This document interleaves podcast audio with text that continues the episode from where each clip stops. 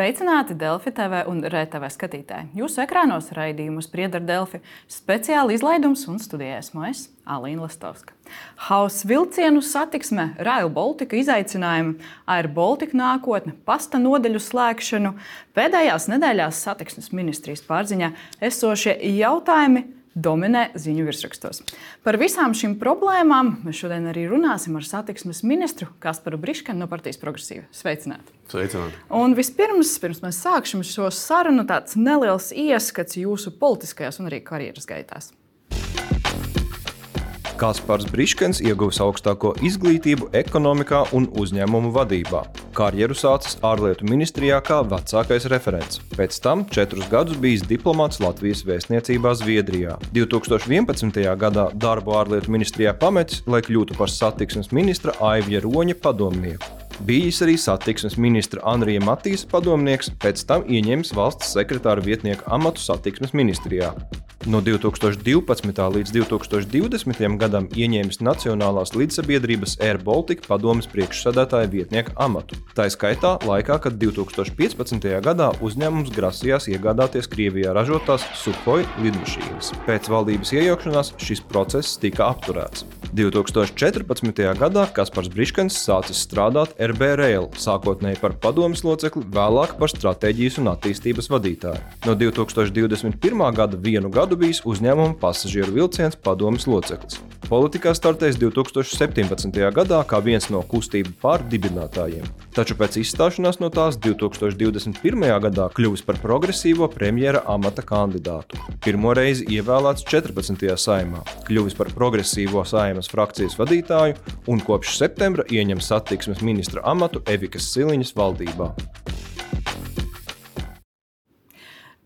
Sāksim sarunu ar vilcieniem. Es uzreiz pateikšu, man pašai ir ļoti daudz jautājumu. Arī skatītāji jau sāka iesūtīt arī savus jautājumus. To var darīt vietnē slaido.com. Slīpsvītra satiksme. Mēs redzam, tur jau ir liels pieprasījums. Mēģināšu arī svarīgākos no tiem jums uzdot. Bet par vilcieniem sākot sarunu. Tad 15. decembris iepriekšējā gadā.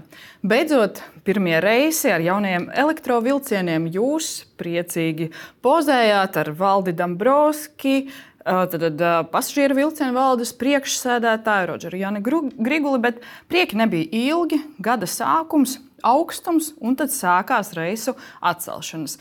Tagad jau vilcienu nedienu dēļ amatu zaudēja pasažieru vilciens padome, iecelta pagaidu padome. Jūs runājat par bargākiem iespējamiem sodiem Škoda vagonkai. Bet vispirms Briškena kungs. Nu, vai jūs šajā laikā, kopš sākās, nu, sauksim to par vilcienu krīzi, varējāt rīkoties efektīvāk, jūsuprāt? Nu, pirmkārt, mēs esam vienmēr bijuši atklāti, gan es personīgi, gan mana komanda, par nu, to, ka ir būtiskas problēmas Skaidrs, ka 15. decembrī, kad vilcieni beidzot nonāca eksploatācijā, mēs visi bijām ļoti priecīgi. Mēs novērtējām to darbu, ko ir izdarījuši visi dienesti, tā skaitā tehniskie dienesti, lai vilci, gan šis vilciena tips tiktu nocertificēts, vilciens varētu pieņemt eksploatācijā, uzsākt viņu izmantošanu. 15. decembris, protams, bija svinība diena. Ne tikai lielai daļai sabiedrības, bet arī, arī man personīgi, eh, jo arī es kā vilcienu biežs lietotājs eh, biju gaidījis šos vilcienus nu, vairāk kā desmit gadus, zinot visu to garo epopeju, kā vispār eh, šie vilcieni tika iepirkti trīs iepriekšējos iepirkumos. Protams, ka pirmie nozīmīgie trauksmes zvani atskanēja 2. janvārī šajā īpašajā garciem incidentā, kur cilvēki uz vairākām stundām iestrēga vilcienā. Un tur jau, protams, sāka iezīmēties riski ar kuriem mēs reiķinājāmies, bet, protams, ka nereiķinājāmies, ka viņi piepildīsies nu, tik radikālos scenārijos, ka šie vilcieni tomēr būs tik neusticami, šie defekti parādīsies tik bieži un novedīs arī pie kustības pārtraukumiem. Jo mēs jau apzinājāmies, un pat, pat savulaik pašam darbojoties pasažieru vilcienā, mēs labi zinājām, ka tas, ka pasažieru infrastruktūras darbi nenorit pietiekami ātri, tas radīs situāciju, ka tiek ieviesti jauni vilcieni, bet vienlaikus, protams, notiek infrastruktūras darbs. 15. decembris bija sasteigts. Nu, viņu jau nekādīgi nevarēja sasteigt šo datumu, jo viss, kas ir saistīts ar eksploatācijas uzsākšanu, eksploatācijas drošību, tie ir stingri reglamentēti, starptautiski reglamentēti procesi. Līdz ar to šeit visas puses ir paļāvušās uz kompetento iestāžu atzinumu, ka šie vilcieni ir droši eksploatācijai. Tas, ka, protams, vēlāk, un interesanti, Bet protams, ka tiem atzinumiem jūs sakat, tad atzinumi visi bija un viss bija kārtībā. Protams, sākt. jo, jo citādi nevarētu vilcienus vispār uzsākt eksploatēt. Nekādas atkāpes no šiem teiksim, Nu, tā drošības iestāde, kas deva atzinumu, ir Dzelzceļa tehniskā inspekcija, protams, strādājot ciešā sazobē ar Eiropas dzelzceļa aģentūru, kas, protams, arī dod šī konkrētā vilciena tipa, šī jaunā vilciena tipa certifikāciju. Nu, tas ir Jums ļoti skaidrs, stingri kā tas- reglamentēts ka- process. Jums ir skaidrs, kā mēs varam nonākt līdz tam, ka atzinums mums saka, nu, ka varam sākt eksploatēt, bet patiesībā mēs redzam, kas notiek. Nē, pilnas skaidrības, man, protams, nav. Tāpēc mēs esam arī uh, lēmuši, ka mēs uh, ļoti detalizēti auditēsim visus šos procesus. Faktiski līdz brīdim, kad tika sākts strādāt pie šī konkrētā vilciena uh, iepirkuma tehniskās specifikācijas. Jo skaidrs, ka ļoti daudz lietas eventuāli būs jāskatās daudz plašākā griezumā. Gan visas lietas, kas ir saistītas ar, ar, ar elektrifikācijas sistēmas darbību, ar dažādiem vilcienu parametriem, tie, tie paši jautājumi par eh, velo novietņu, velo, velo vietu iztrūkumu un tā tālāk. Teiksim, jāpaskatās visu šo gadu garumā, un, protams, arī šajā pēdējā kritiskajā eksploatācijas uzsākšanas posmā, eh, kur, protams, es gribu redzēt, kā, kā tas bija iespējams, ka vilcieni tomēr tika testēti, jā, bez pasažieriem, eh, bet tomēr tika testēti eh, arī ziemas apstākļos. Varbūt tā bija nedaudz atšķirīga ziema, bet tomēr arī salā, arī teiksim, šajā nulles sasaluma ciklā, lietus laikā. Nu, kāpēc tieši tajā brīdī, kad uzsākās pilna eksploatācija ar pasažieriem, kāpēc mums tomēr ir tik liels problēmas? Šeit es vienlaikus, protams, apzinos arī šo infrastruktūras faktoru. Mums šobrīd pasažieru infrastruktūrā notiek vēsturiski lielākie būvniecības darbi. Un tas, protams, šo situāciju vēl vairāk ir, ir sarežģījis. Īpaši iespēja reaģēt incidentu. ka, piemēram, laikā. autotransporta direkcija iebilda pret, pret nu, tādu strauju rīcību un pret to, ka pārāk daudz jaunie vilcieni uzreiz jau tiek palaisti eksploatācijā. Nē, esmu no autotransporta direkcijas puses. Vismaz tajā laikā, kopš es esmu ministrs, šāda veida brīdinājumus, vai norādes, vai aizrādījumus, tas vēl jau vairāk lika nu, man domāt, ka tas eksploatācijas process norit savu gaitu. Tehniskie ar eksploatācijas uzsākšanu saistītie dienesti ir izdarījuši savu darbu, un tagad jau pasažieru vilciens kā operators var sākt lietot šos vilcienus pasažieru satiksmē. Faktiski neviena iestāde, neviens padomnieks, nezinu, neviens jums neteica, ka vēl ir kādi riski, ar ko mēs varētu saskarties, nu tādi nozīmīgi riski. Riski ir vienmēr, bet tādi riski, lai apsvērtu uh, eksploatācijas uzsākšanas atlikšanu, manā rīcībā neviena šāda signāla nebija. Uh, Noteikti mēs izmeklēšanas laikā pārbaudīsim, uh, kādi bija iesaistīto institūciju viedokļi. Katrā ziņā no manas puses uh, nebija nekāda steidzināšana. Un Šeit es gribu noteikti arī visiem apliecināt, ka šajos jautājumos nevar būt, šeit nozīme ne- nespēlē ne politiķu spiediens, ne sabiedrības spiediens. Protams, ka visi ļoti ātri gribēja šos Nu, vilcienus. nav tā, gada bet... nogalē gribējās vēl 2023. paspēt sākt. Nebija. kritiskiem nosacījumiem, kas ir izpildīti. Tikai tad, ja viss, kas ir saistīts ar eksploatācijas drošību, ar visu atļauju saņemšanu, ir izpildīts, tad, protams, eksploatācija var uzsākt. Bet tā, ka būtu bijis kaut kāds mākslīgs uh, spiediens, kas bijis ņemts vērā, lai tādējādi pātrinātu kādas procedūras, nu, katrā ziņā no manas puses, pilnīgi noteikti šāda spiediena Nu, nav bijis. Es neuzdrošinātos. Vai decembrī iepriekšējā gadā, vai šogad janvārī mēs saktu, vai arī, kā? arī, arī sarunās ar Skodu, un es jau faktiski jau vienā no pirmajām nedēļām pēc stāšanās amatā uh, aizbraucu pie, pie Skodas uz Ostravu. Uh, Mana galvenā prioritāte bija nodrošināt, lai vilcieni tik saražoti atbilstošā kvalitātē, un mēs varētu līdz gada beigām apgūt pēc iespējas lielāku finansējumu. Un tas nav tieši saistīts ar to, kad šos vilcienus mēs uzsāksim eksploatēt. Skaidrs, ka mēs visi gribējām, lai tas notiktu pēc iespējas ātrāk, bet mans galvenās prioritātes bija droši, kvalitatīvi saražoti vilcieni uh, un uh, Latvijas iespēja nepazaudēt uh, finansējumu, kas mums bija jāapgūst līdz 31. decembrim. Un tas, cits starpā, ļoti sekmīgi arī izdevās. Ja mēs tagad skatāmies, kas ir tā nauda, šie finanšu apjomi, kas ir palikuši uz galda iepriekšējā finanšu septiņgadē, tad attiecībā uz uh, jaunajiem vilcieniem jau pat bija prognozēts uh, no, no, no visu, tā skaitā satiksmes ministrijas puses, ka attiecībā uz jaunajiem vilcieniem tie būs 70 miljoni. Mums izdevās arī, nu, man aizbraucot uz, uz rūpnīcu, pasakot Škodai, ka ir jānodrošina, lai tas process, lai mēs varētu apgūt pēc iespējas lielāku finansējumu, eventuāli pārdalīt tiek tikai 12 miljoni. Nu, attiecīgi, lielāko daļu šīs naudas mēs paguvām investēt uh, vilcienos. Paguvām, labi. Bet man ir jautājums arī par to, nu, ko jūs darījāt šajā laikā. Jūs pats pieminējāt, tas ir janvāra sākums, kad parādījās pirmās problēmas, un šonadēļ tas sekoja tāda straujāka rīcība ar atkāpšanos padomēji. Ja premjerministra Evika Siliņa nebūtu iesaistījusies un nebūtu pieprasījusi no jums šo atbildības izvērtējumu, skaidru risinājumu, vilcienu kavējumu jautājumā, jūsu rīcība būtu tāda pati šonadēļ, būtu padomas atkāpšanās arī? Man ir liels prieks, protams, ka mēs esam ar premjeru uz vienas lapas. Šī nav mūsu pirmā saruna. Es, premjeru informēju regulāri arī koalīcijas partnerus, kolēģus valdībā. Šeit nav tā, ka ir viens kāds lēmums un tad pēkšņi seko haotiska rīcība. Skaidrs, ka es jau pateicu pirms divām nedēļām, tad, kad mums jau bija šī iepriekšējās lielās problēmas, ka nu, faktiski mana pacietība ir izsīkusi. Es sagaidīju, es pie viena galda nosēdināju visas trīs galvenās atbildīgās institūcijas, gan pasažieru vilcienu, gan Latvijas dzelzceļu, gan autotransporta direkciju.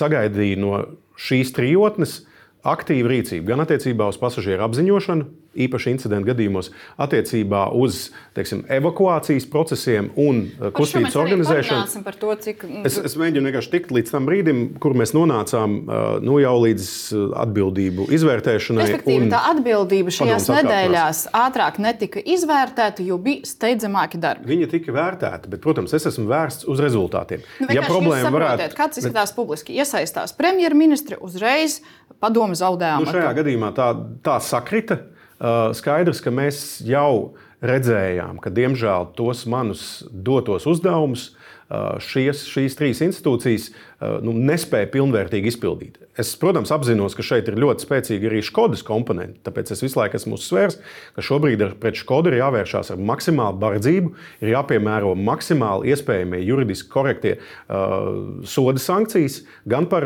vilcienu, gan, gan par kavēšanos ar vilcienu piegādi, par šiem defektiem, par šo defektu nenovēršanu laikā. Bet skaidrs, ka mums bija vesela virkne mājas darbu, ko Latvijas institūcijas nebija izpildījušas. Tāpēc cilvēki paliek tumšos augstos vilcienos, mīnus 20 grādu salā. Kā nonācām tik ļoti gaitošos vilcienos? Kā mēs nonācām līdz tam, ka šie mājas darbi netika izpildīti? Jums ir skaidrs? Nu, tas ir viens no aspektiem, par ko arī uh, padomi, kas uh, ir atkāpusies, pasažieru vilcienu padomi, arī ir uzņēmusies līdzatbildību par to, ka šie mājas darbi nav bijuši līdz galam izpildīti. Tad, tad viņi nav vienīgie atbildīgie.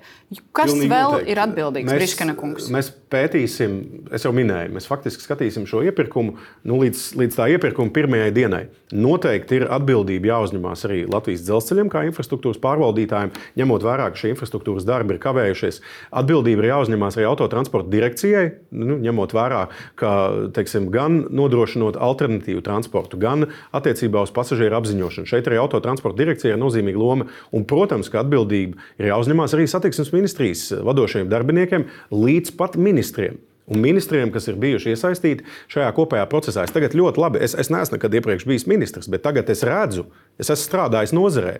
Es esmu arī cēlis trauksmi par daudzām iesim, problēmām nozarē. Iesim bet ministram ir iespējas šīs problēmas risināt. Kurš uh, ko ir darījis vai nav darījis? Pasažieru vilcienu padome vai valdei arī jāuzņemās atbildība? To šobrīd būtu jāvērtē jaunajai padomē. Ministrs uh, neiejaucās uh, valdes operacionālajā darbībā. Ministra ministram nevajadzētu arī ar pirkstu rādīt uh, uz valdes locekļiem. Šāda atbildības uh, vērtēšana ir padomus kompetencē. Es tomēr gribu uh, ievērot arī labas pārvaldības principus. Attiecīgi, uh, akcionāram tieši padota ir uzņēmuma padome. Tajos uzņēmumos, kur padome ir autotransporta direkcijai, padomus nav.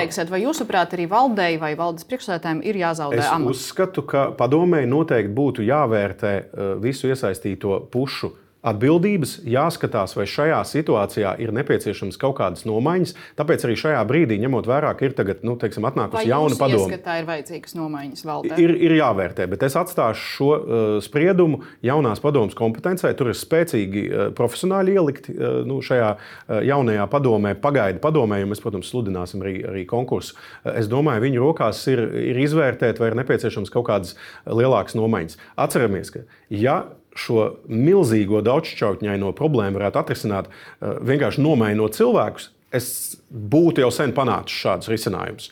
Bet tas nav tik vienkārši. Mums ir nepieciešams šobrīd uh, koncentrēties uz krīzes menedžmentu. Nu, var jau visus atlaist, bet kurš tad beigās uh, to situāciju risinās?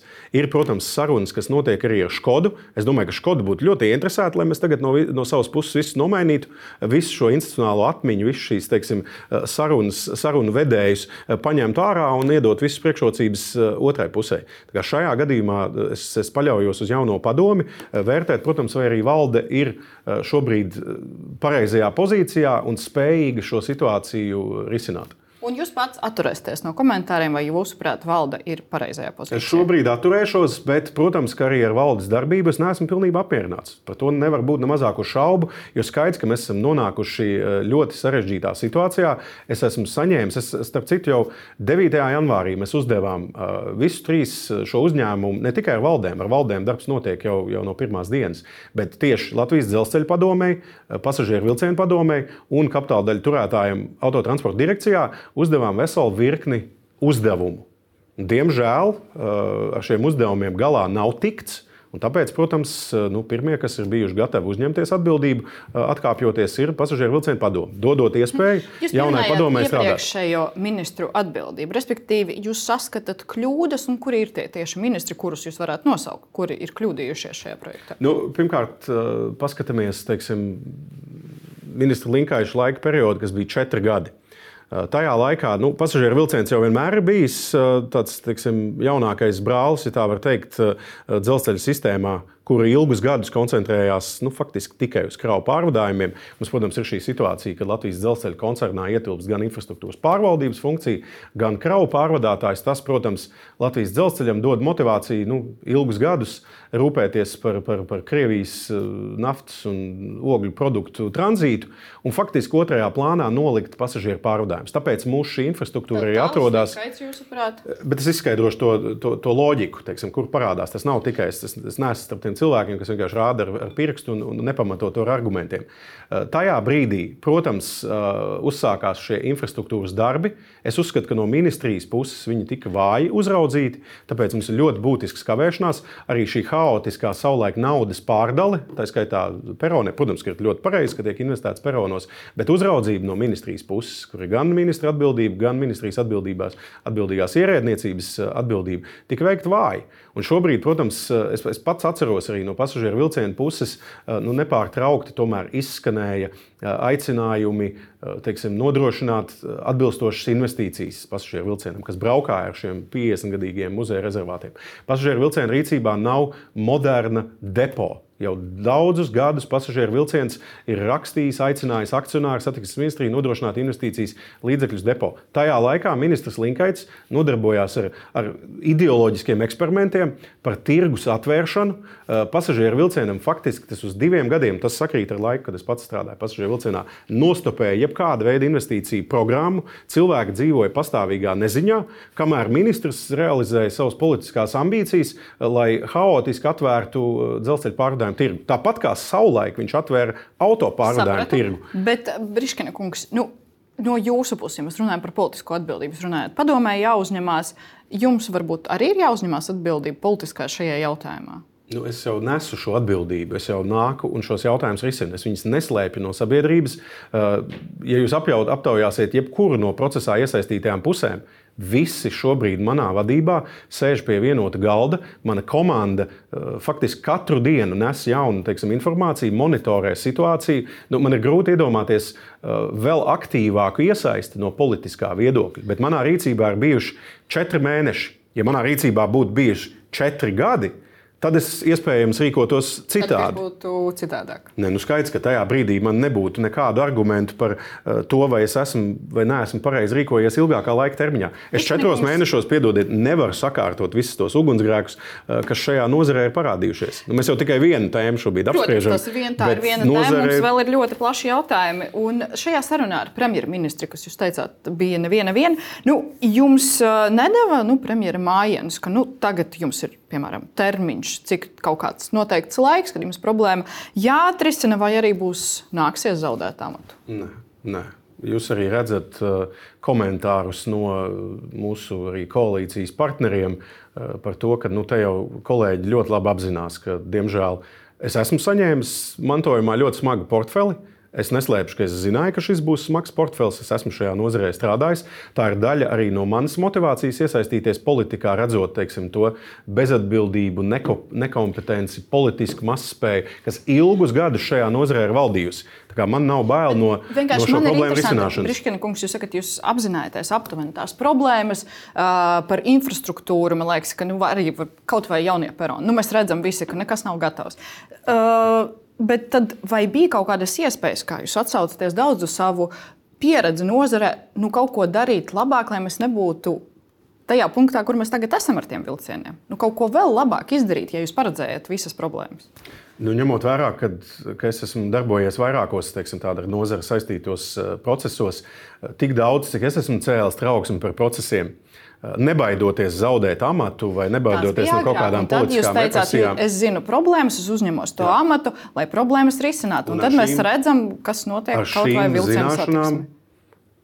Šīs zināšanas man noteikti palīdz šajā ļoti sarežģītajā situācijā. Ja jūs ieliktu šajā situācijā cilvēku vispār bez nozares pieredzes, bez krīzes menedžmenta uh, pieredzes, nu, tad gan jūs redzētu vēl interesantāku situāciju. Bet iespējams, uh, izskatītos, ka problēma ir mazāka, jo būtu tendence šīs problēmas paslēpt. Es šajā Ļoti gadījumā par ļoti daudz problēmu, lietām. Ja vilciens nebrauc. Nu, mēs runājam tikai par vilcieniem, bet man jau portfelī ir vēl citi sāpīgi jautājumi, kurus šobrīd mēs esam aktīvi risinājuši arī sabiedrībai korekti skaidrojuši, kāpēc šādas problēmas, kā viņas radušās. Un svarīgākais, mums, protams, Latvijā patīk uh, dedzināt raganas, uh, meklēt uh, grēkāžus, bet tas ir svarīgi vienmēr zināt arī, kas ir atbildīgs. Nepieciešamības gadījumā par šīm atbildībām arī ieviest sankcijas. Svarīgi no šīm mācībām arī mācīties, lai kļūdas neatkārtot, bet svarīgākais šobrīd ir rezultāts. Man ir svarīgi, lai, lai bērni tiek uz skolu un cilvēki vakarā var nokļūt mājās. Un tas ir tas, uz ko es strādāju strādāju. Domāju, tāpēc tāpēc es dodu kungs... skaidrus uzdevumus. Ja šie uzdevumi netiek pildīti, tad kādam ir jāuzņemas atbildība. Šajā gadījumā pasažieru vilcienu padome, es arī respektēju eh, padomus eh, šo nu, teiksim, tādu eh, pietiekami korekto soli, ka viņi ir, ir, ir gatavi šo atbildību uzņemties. Es sagaidu, ja kāds cits pie šī galda nav gatavs strādāt vai jūt, ka viņam nav iespējas sasniegt mūsu uzstādītos rezultātus, lai šie cilvēki man to korekti pasaka. Meklēsim padomi, juridiski gribēju precizēt, bija paziņojums par amatu atstāšanu no padomas puses. Jūs vēl pirms tam Twitterī arī publiski paziņojat, ka vairāk nepildīs savus amata pienākumus. Tad padoma tika atlaista vai viņi atkāpās nu, paši? Nu, pa, pa, padome iesniedza savus uh, iesniegumus par, par darba nu, saistība. Tur, tur gan ir pilnvarojuma līgums, nevis darba līgums. Attiecīgi, padomē uh, uzskatīja, ka nav vairs uh, spējīga turpināt savus darba pienākumus. Es to respektēju. Uh, es teikšu, ka šajā gadījumā mūsu viedokļi sakrita. Es redzu, ka šī ir iespēja tagad jauniem speciālistiem paskatīties ar svaigu skatījumu. Es pilnīgi noteikti neuzskatu, ka uh, pasažieru vilcienu padome ir, ir vienīgie grēkāži, un tagad uzkarināsim visu vainu uh, uz viņiem. Uh, arī viņi ir, ir daudzus gadus strādājuši, lai risinātu tās pašas problēmas, kuras es tikko pieminēju. To pašu frustrāciju ar to, ka pasažieru vilcienā nav investēts. Pasažieru vilcienam bija šī neskaidrība vispār par to, vai viņš operēs sākot no, no, no nākamā gada, par depo infrastruktūru, par Latvijas dzelzceļa infrastruktūras darbiem. Šajā gadījumā padomu precīzi norāda, bet attiecībā uz tiem uzdevumiem, ko es biju uzstādījis, diemžēl šī padome ar saviem pienākumiem galā netika nu, un deva iespēju citiem strādāt. Mhm. Padome atkāpjoties arī, nu, viņi teica, ka ir prasījuši līdzekļus veco vilcienu remontu turpināšanai, nu, tad viņi prasīja to jums, un jūs to naudu nepiešķirāt. Vai tas bija tas iepriekš? Tas tika prasīts tas... jau, jau iepriekšējiem ministriem, tas tika noraidīts. Un, protams, ka šobrīd ir tāda neloģiska situācija, kad ir uzsākta jauna vilciena eksploatācija. Faktiski tie iepriekšējie vecie vilcieni nu, ir izvilkuši līdz savam kalpošanas uh, galam pirms eh, kapitālā remonta. Skaidrs, ka tur ir nepieciešams milzīgas eh, investīcijas, vairāk miljonu apmērā, lai šos vilcienus nu, reanimētu un varētu atgriezt eh, atpakaļ kursēšanā. Mēs apsveram šādu iespēju. Katrā ziņā nu, es uzklausu šāda veida aicinājumus no uzņēmuma. Es saprotu, ka mums ir vajadzīgs plāns B. Jo es nezinu, kas notiks ar šiem vilcieniem. Es ceru uz to labāko. Mēs esam iedavuši Škodai eh, termiņu divu mēnešu laikā nodrošināt 95% uzticamību šiem vilcieniem. Ja tas netiks nodrošināts, nu, iespējams, ka mums ir vajadzīgs šis rezerves variants, Bet lai atgrieztos kaut vai pie veciem. Rezerves variants nav teiksim, tā, sagatavots vai gatavs? Šobrīd tiek gatavots. Visticamāk, es versīšos arī valdībā ar, ar pieprasījumu līdzekļiem neparedzētiem gadījumiem, eh, lai pasažieru vilcienam būtu iespējams eh, šos vilcienus nu, teiksim, teiksim, veikt šos kapitālos remontus, lai nepieciešamības gadījumā viņus varētu atgriezt uh, apritē. Tas ir viens, tas ir viens no variantiem. Par summu tad ir runa. Šobrīd vēl nav, bet uh, nu, es domāju, ka tie ir vairāk, vairāk miljoni. Tas ir vairāk ļoti būtisks apjoms. Par desmitiem mēs nerunājam. Nē, nē, nē, nē, tas ir viens par skaitļi, eh, bet eh, nu, precīzas stāmas, protams, mums šobrīd nav. Jāskatās arī, kā ar šo kapacitāti. Jo, protams, kad arī eh, vilcieniem ir nepieciešams ikdienas apkops, pasažieru vilcienu rīcībā nav apsildāms depo. Tas ierobežo iespējas arī novērst šos depo.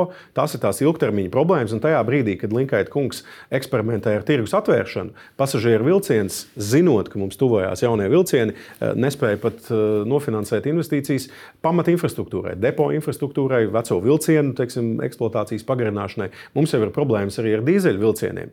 Arī tie ik pa laikam iziet no ierindas eh, nu, saviem muzeja eh, eksponātu dzinējiem, kuriem rezerves daļas šobrīd nav viegli dabūt. Skaidrs, ka šī saimniecība, tāpēc es nosaucu pasažieru vilcienu par jaunāko brāli, jo ilgus gadus, kamēr eh, tika izveidots zeltā izlietas tranzīta koridors, lai lobētu tranzīta kravu pārvadājumus, un, un, un Latvijas dzelzceļš, protams, pelna pelnījušos milzīgās uh, ienākumus uz, uz tranzīta pārvadājumu un investēja šajā kravu koridorā, pasažieru koridors tika atstāts uh, novārtā. Diemžēl šobrīd ir tāda situācija, ka pat cilvēki uh, ratiņkrēslā nevar normāli iebraukt uh, mūsu vilcienos. Jā, nu, par šo situāciju jūs pieminējat daudzkārt, ka tā atbildība tiks vērtēta un tiks vērtēta plaši pēc notikumiem un gatavojoties šai intervijai, mēs uzrunājām arī vairākus bijušos satiksmes ministrus, lai viņi pakomentē, kā izskatās šie notikumi. Un lūk, ko teica Andrijs Matīs, bijušais ministrs. Tas ko, viņš, tas, ko viņš šobrīd dara, man izskatās pēc tādām raganu medībām vai tādām, teiksim, tāda, nu, kā teikt, šaušanas uz aklo, nu, teiksim tā, meklējot vainīgos, atlaižot padomi, kas, manuprāt, varbūt tikai vainīgi pie kaut kādām strateģiskām lietām, bet ne jau pie operacionālām problēmām. Premjerministra Briškinam uzdeva meklēt vainīgos. Nu, viņš, kā teikt, ir ķēries pie darba. Bet, bet ne jau bija padoma tā, kas lika tos vilcienus 15. decembrī nodot lietošanai pasažieriem. Nu, ne, jau, ne jau padome vai, vai, vai kāds cits bija tas, kas, kas, kuram bija politiskais uzstādījums par katru cenu to panākt raganu medības šaušana uz aklo. Tad šādam vērtējumam no bijušā ministra nepiekrītat. Nu, varbūt, ka pašu pieredzē balstīti epiteti, bet uh, es teiktu, ka nē, es jau tikko minēju, uh, mans pašmērķis nav atrast uh, kādu raganu, pie, ko pie sārta sadedzināt. Mans mērķis šobrīd ir koncentrēties uz rezultātu sasniegšanu. Šajā gadījumā man ir svarīgi, lai ir padome, jauna, darboties spējīga padome, ar svaigu redzējumu, kas ir gatava objektīvi pastīties arī uz esošās valdes eh, rīcības trūkumiem, bet vienlaikus padome, kur ir gatava eh, atbalstīt valdi arī rezultātu sasniegšanā. Nu, es jau tikko minēju, eh, var visus atlaist, bet nu, kurš tajā brīdī strādās? Nu, ja, ja man būtu pieejama armija ar, ar, ar neatkarīgiem, pieredzējušiem profesionāļiem, turklāt ar pieredzi šādu jaunu ritošā sastāvu ieviešanā, mēs varētu viņus ātri nomainīt, bet Latvijā nav šo speciālistu. Mēs, mēs esam vērsušies pat arī eh, pēc palīdzības eh, arī starptautiskiem kolēģiem, kas ir saskārušies ar līdzīgām problēmām. Ne jau mēs pirmie ieviešam jaunus vilcienus. Gan mūsu igauniem pirms desmit gadiem ar, ar dīzeļvilcieniem bija problēmas Lielbritānijā, Nīderlandē, ASV. Nu, faktiski jebkur, kur ir jauni vilcieni. Speciālisti nebija gatavi nākt palīdzīgā tagad. Nav jau iespējams arī viņus eh, tik viegli piesaistīt. Mums ir valodas likuma ierobežojumi, kas nosaka, ka starptautiski speciālisti bez latviešu valodas zināšanām nemaz tik viegli mūsu kapitāla sabiedrībās nevar uh, darboties. Es, es vakar uh, satiku savu Lietuvas kolēģi. Es viņam uzdevu šo jautājumu. Es zinu, ka Lietuvas dzelzceļā, piemēram, ir strādājuši Vācijas dzelzceļa speciālisti padomē. Es viņam teicu, kā, kā jūs šo risināsiet? Jā, protams, mēs zinām, ka šie uzņēmumi, kas pārņem starptautisku pieredzi, arī tādi uzņēmumi, kas strādā starptautiskā vidē, piemēram, Lietuvas pasts, viņi apzināti šajās padomēs piesaista starptautisku kalibru speciālistus, lai atnestu šo ārējo ekspertīzi. Nu, diemžēl. Nu, tad mēs skatāmies uz pagaidu padomu. Ja jūs sakat, nav tās iespējas. Sakrit Holdings padomus priekšsētāja vietnieks Artis Grīmbergs, padomus locekļi, satiksmes ministrijas aviācijas departamenta direktors Arturs Kokars un uzņēmējs Mikus Ozols. Cik kompetenti ir tā jaunā pagaidu padoma? Nu, es ne visus personīgi pazīstu. Katrā ziņā ne jau, ne jau nu, ministrs iedod izritina sarakstu. Jā, bet, nu, šos, ja mēs skatāmies, bet, nu, satiksmes ministrijas aviācijas departamenta direktors. Nu jā, tas ir cilvēks, kas ir strādājis nozarē, kas ir cilvēks, kas ir strādājis nozarē, kas ir saistīts ar pasažieru pārvadājumiem, cilvēks, kas ir arī departamenta direktors. Pagaidu padome ir kompetenta jūsu ieskatā. Man šobrīd nav pamata izdarīt pretējus secinājumus. Arī Grīmberga kunga ilgadējā pieredze gan publiskajā sektorā, gan privātajā sektorā. Eh, Grīmberga kungu es arī personīgi pazīstu. Eh, es domāju, ka šie ir cilvēki, kas var sapurināt uzņēmumu, sapurināt arī esošo eh, valdi. Katrā ziņā man ir ļoti svarīgi. Šeit jau nav arī eh, tik primitīvi. Atnāk padome, tad nākamais nomaina valdi, atkal ieliek kādu jaunu iekšā. Visu kauliņus esam nomainījuši, kā Matīs Kungs tikko teica, raganu medības noslēgušās, un tagad tikai sāksim strādāt. Šī ir milzīga problēma, kuru nevar tik vienkārši atrisināt. Es zinu, ka sabiedrība vēlās, un diemžēl arī bijušie ministri acīm redzot, eh, vienkāršus risinājumus. Šādām sarežģītām problēmām nav vienkārši risinājumu. Šajā gadījumā es no šīs konkrētās padomes sagaidu eh, jā, gan no vienas puses eh, pārliecību par to, ka valde ir kompetenta turpināt strādāt, bet vienlaikus es gaidu arī nu, jaunu, teiksim, spēcīgu uzstādījumu, fokusu uz mūsu galvenajām prioritātēm. Un prioritāte numur viens ir, lai dzelzceļš beidzot atkal būtu uzticams transporta līdzeklis. Jā, nu, eh, jūs pieminējāt daudz tālu linkaitu, arī viņam mēs devām iespēju nokomentēt šo situāciju ar vilcieniem. Lūdzu, citādi. Trīs lietas tehnika, uzņēmuma, uzņēmuma gatavība un savstarpējā komunikācija. Nu, ministrs, ministra problēma varbūt ir tā, ka viņš ir mazliet nepieredzējis šajā visā, ļoti aktīvi reaģē uz sociālo tīklu kaut kādiem ierakstiem um, un, un varbūt drusku haotiski reaģē uz, uz, uz to, kas notiek. Pie mums kaut kā ļoti nu, tā histēriski un haotiski tas tiek darīts. Uh, un, un pēdējā šī attrakcija ar pasažieru vilcienu padomus atlaišanu nu, ne, nekādā veidā neko nerisina no tā, kas ir uh, šobrīd jādara. Nu, tas galvenais jautājums - haotiski notiek rīcība, tam jūs arī nepiekrītat. Nu, ministrs, kurš savā laikā ļoti aizrāvās ar reakcijām Twitterī un citos sociālajos mēdījos, uh, šobrīd norāda to, ka mēs kaut ko reaģējam. Tā jau gluži nav. Tieši otrādi mūsu rīcība ir ļoti proaktīva. Mēs par to arī vienmēr informējam sabiedrību. Es pilnīgi noteikti savā darbībā nevados pēc tā, ko kāds ir pateicis sociālajos tīklos. Man ir svarīga tā operacionālā informācija, ko man atnes uzņēmumu vadītāji. Man ir svarīgi viņus visus nosēdināt pie viena galda. Skaidrs, ka es pats nevaru piedalīties katrā sanāksmē un iedziļināties katrā detaļā, tāpēc man ir arī ļoti darbspējīga čakla komanda, kas arī seko šiem procesiem. Šobrīd mums ir iespēja arī aktīvāk iesaistīt ministrijas ierēdniecību, tā skaitā augstāko vadību. Nu, šiem cilvēkiem ir jāstrādā un jāmeklē risinājumi. Un tad, kad šie risinājumi ir, tad mēs par to informējam ja sabiedrību. Tas ļoti rūpīgi uzrauga procesus, kā mēs nonācām līdz šim, bet tad jūs teiksiet, ka tie bija iepriekšējo ministru atbildībā. Nu, nu, nu, kā jūs jau redzat, nu, es, es devu laiku strādāt un pierādīt sevi. No 2. janvāra nav vēl pat mēnesis pagājis, bet sanāksmes ir bijušas daudz. Uh, mēs esam, protams, arī Škodu uh, teiksim, bijusi preses konference, kurā Škoda ir gan atvainojusies par tehniskiem defektiem, gan apsolījusi Latvijas sabiedrībai, ka pirmkārt visus defektus Škoda novērsīs uz savu rēķinu. Latvijas valsts nemaksās ne centa par šo defektu novēršanu, ka Škoda stiprinās savu komandu, ka Škoda divu mēnešu laikā nodrošinās 95%. No, mēs redzēsim, kā tie solījumi tiks pildīti. Tas ir no Škodas puses, bet mums Jā, ir protams. savi, savi mājas darbi. Kā mēs apziņojam pasažierus incidentu gadījumos? Lai pasažieri ne... ar alternatīviem transporta Protams, Jā, mēs redzējām, es pateicu, pēc garciem es pateicu. Bet tas, ko teica visiem... piemēram Siliņas kundze, viņa ir teica, ka šajā laikā iedzīvotāji bija eksperimentu trusīši, kas stāv salā un neziņā par to, vai vilciens būs. Jūs piekritat, ka, nu, principā... ne, nu tās jau ir tās pašas manas tēzes, kuras es arī es esmu izmantojis. Tāpēc mēs Labi, uzdevām, mēs... kad ga, es pateicu, garciems nedrīkst atkārtoties. Diemžēl Garciems pirms pāris dienām atkārtojās. Pirms dažām dienām, kad bija dienas, darba dienas beigās, kad bija šis hauss ar, ar veseliem trīs defektīviem vilcieniem un tālāk jau kaskādē ar visu sistēmu. Tas parādīja, ka tie risinājumi, ko man kolēģi bija atnesuši, nepilnvērtīgi ieviesuši, ka viņi nestrādāja.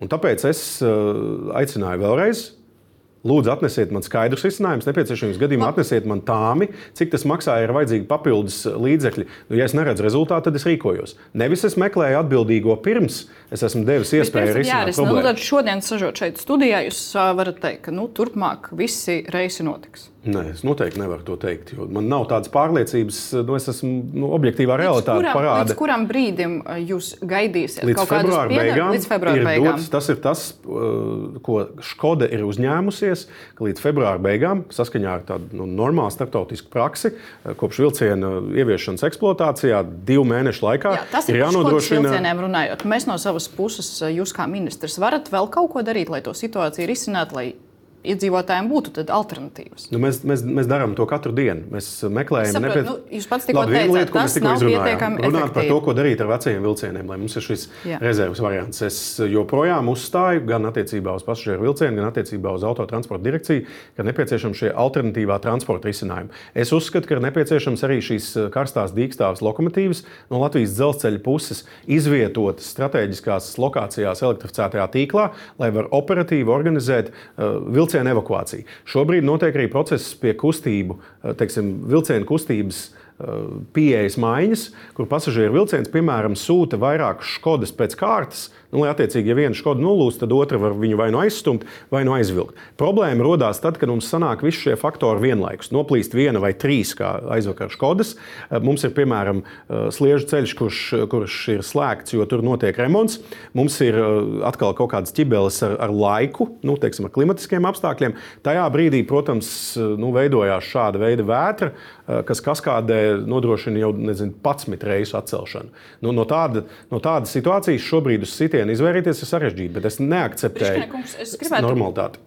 Jā, protams, tas jautājums, kad mēs atg varēsim atgriezties pie normalitātes, vai nu, tas februāra beigas ir tas termiņš, ko jūs gaidīsiet, vai mēs mēģināsim ātrāk, nu skaidrs, ko jūs sakat, ka mēs mēģināsim, bet nu, cik? Skaidrs, nebūs tāds brīdis, kad es vienkārši salikšu rokas klēpī un, un nesakošu šim procesam. Tā ir numur viens prioritāte šobrīd transporta sistēmā cilvēkus nogādāt eh, darbā un atpakaļ mājās, un bērns nogādāt skolā un droši atpakaļ mājās. Nav svarīgāk uzdevumi transporta sistēmā, tāpēc arī mēs strādājam pie tā. Un, un es ceru, ka arī vakardienas notikumi ir radījuši papildu motivāciju, ja vispār tāda vēl bija nepieciešama arī visām pārējām amatpersonām. Es nekavēšos nevienā brīdī rīkoties izlēmīgi, ja man pie galda kāds slinkos, kāds kaut ko nesadarīs, nedadarīs, vai kāds eh, viens uz otru rādīs pirkstus. Eh, Brīsniekums, es jums vēl gribētu pārjautāt. Sākumā prasīja, vai varēja darīt kaut ko efektīvāk, un jūs pats pieminējāt daudzkārt tos alternatīvos uh, iespējas nogādāt pasažierus, ja kaut kas notiek ar sabiedrisko transportu. Šeit, šajā studijā, novembra beigās, 22. novembris, jūs jau runājāt par šo jautājumu, un atgādināsim, ko jūs teicāt. Cilvēki paliek ceļmalā, tagad iestājās ziema, mīnus. Tas būs vēl sāpīgāk. Nav šāda algoritma, mehānisma, kādā veidā vienalga, vai tā ir autotransporta direkcija vai konkrētais pārvadātājs, kas sadarbībā ar citiem pārvadātājiem nodrošina šādu veidu rezerves eh, pārvadājumu. Nu, diemžēl šāda sistēma nav izveidota. Tāpēc uh, viņi ir jāveido. Uh, ja ir iespējams, jāgroza arī esošie līgumi ar šiem pārvadātājiem, lai būtu šāda veida pienākums. Cilvēki nevar palikt uz sliedēm vai, vai ceļmalā uz autobusu pieturas. 22. novembris. Jūs sakat, jāveido sistēma, un tad ir janvāra sākums, kad sākās masveida problēmas ar vilcieniem. Jūs to uzdodat vēlreiz, tad kur to pusotru aptuveni mēnesi jūs bijāt ar šo jautājumu? Šeit, šeit parādās pat uh, divas uh, problēmas. Viena ir šī ilgtermiņa problēma ar atceltajiem uh, autobusu reisiem. Tā jau faktiski jau, jau vairāk gadu garumā mums parādās. Šeit, protams, tas galvenais iemesls ir Linkaiša kunga laikā noslēgtie valstī ārkārtīgi neizdevīgie ilgtermiņa līgumi. Atkal šī otrās paudzes eh, desmitgadīgie līgumi, kur, protams, mums, es vairāk kārt to esmu teicis, eh, ka, kur mums ar autotransporta direkciju atšķirās arī tas, kādā veidā tiek piemērotas soda sankcijas. Jo faktiski šobrīd veids, kā piemēro soda sankcijas autotransporta direkcija, rada kaut kādu atžgārnu motivāciju auto pārvadātājiem situācijā, kad, piemēram, šofers slimības dēļ nevar izpildīt reisu, vienkārši šo reisu atcelt. Un šeit mums parādījās, protams, šī pati problēma arī tad, kad sāka uh, atcelt vilcienu reisus. Un mēs, protams, aicinājām visus pie viena galda un, un teicām, lūdzu, sarēķiniet. Pa, pa vidu šī pusotra mēneša laikā, kas bija starp to interviju un masveida reisu atcelšanu, jūs virzījāt šo jautājumu? Risinājāt? Protams, ar autotransporta direkciju tas tika uz, uzdots kā viens no galvenajiem uzdevumiem. Pirmkārt, saprast, kā interpretēt soda sankcijas. Diemžēl tur sākās dažādi veidi juridisko atzinumu veidošana. Bija trīs atzinumi, divi juridiski atzinumi un viens satiksmes ministrijas iekšējais audits. Visi norādīja uz trūkumiem tajā, kā autotransporta direkcija faktiski piemēro šos līgumus. Jo jau šajos līgumos var interpretēt, ka pārvadātājiem ir tomēr atbildība nodrošināt, ka pasažieris saņem savu pakalpojumu. Nu, šeit par to, ka tā sistēma netika līdz galam izveidota vai tā sistēma netika izveidota, vispār atbildīga ir autotransporta direkcija pašlaik. Nu, tas, tas ir uzņēmums, kurš Latvijā organizē pasažieru pārvadājumus. Atceramies arī, ka autotransporta direkcijā ir pagaidu valde. Turpat nav pilnvērtīga valde. Šobrīd notiek konkurss. Autotransporta direkcija ir SIA, līdz ar to tur nav padomes. Uh, autotransporta direkcijas pagaidu valde uh, arī uzņēmumā strādā neilgu laiku. Šeit noteikti būtu jāpavērtē iepriekšējo valdes locekļu atbildības.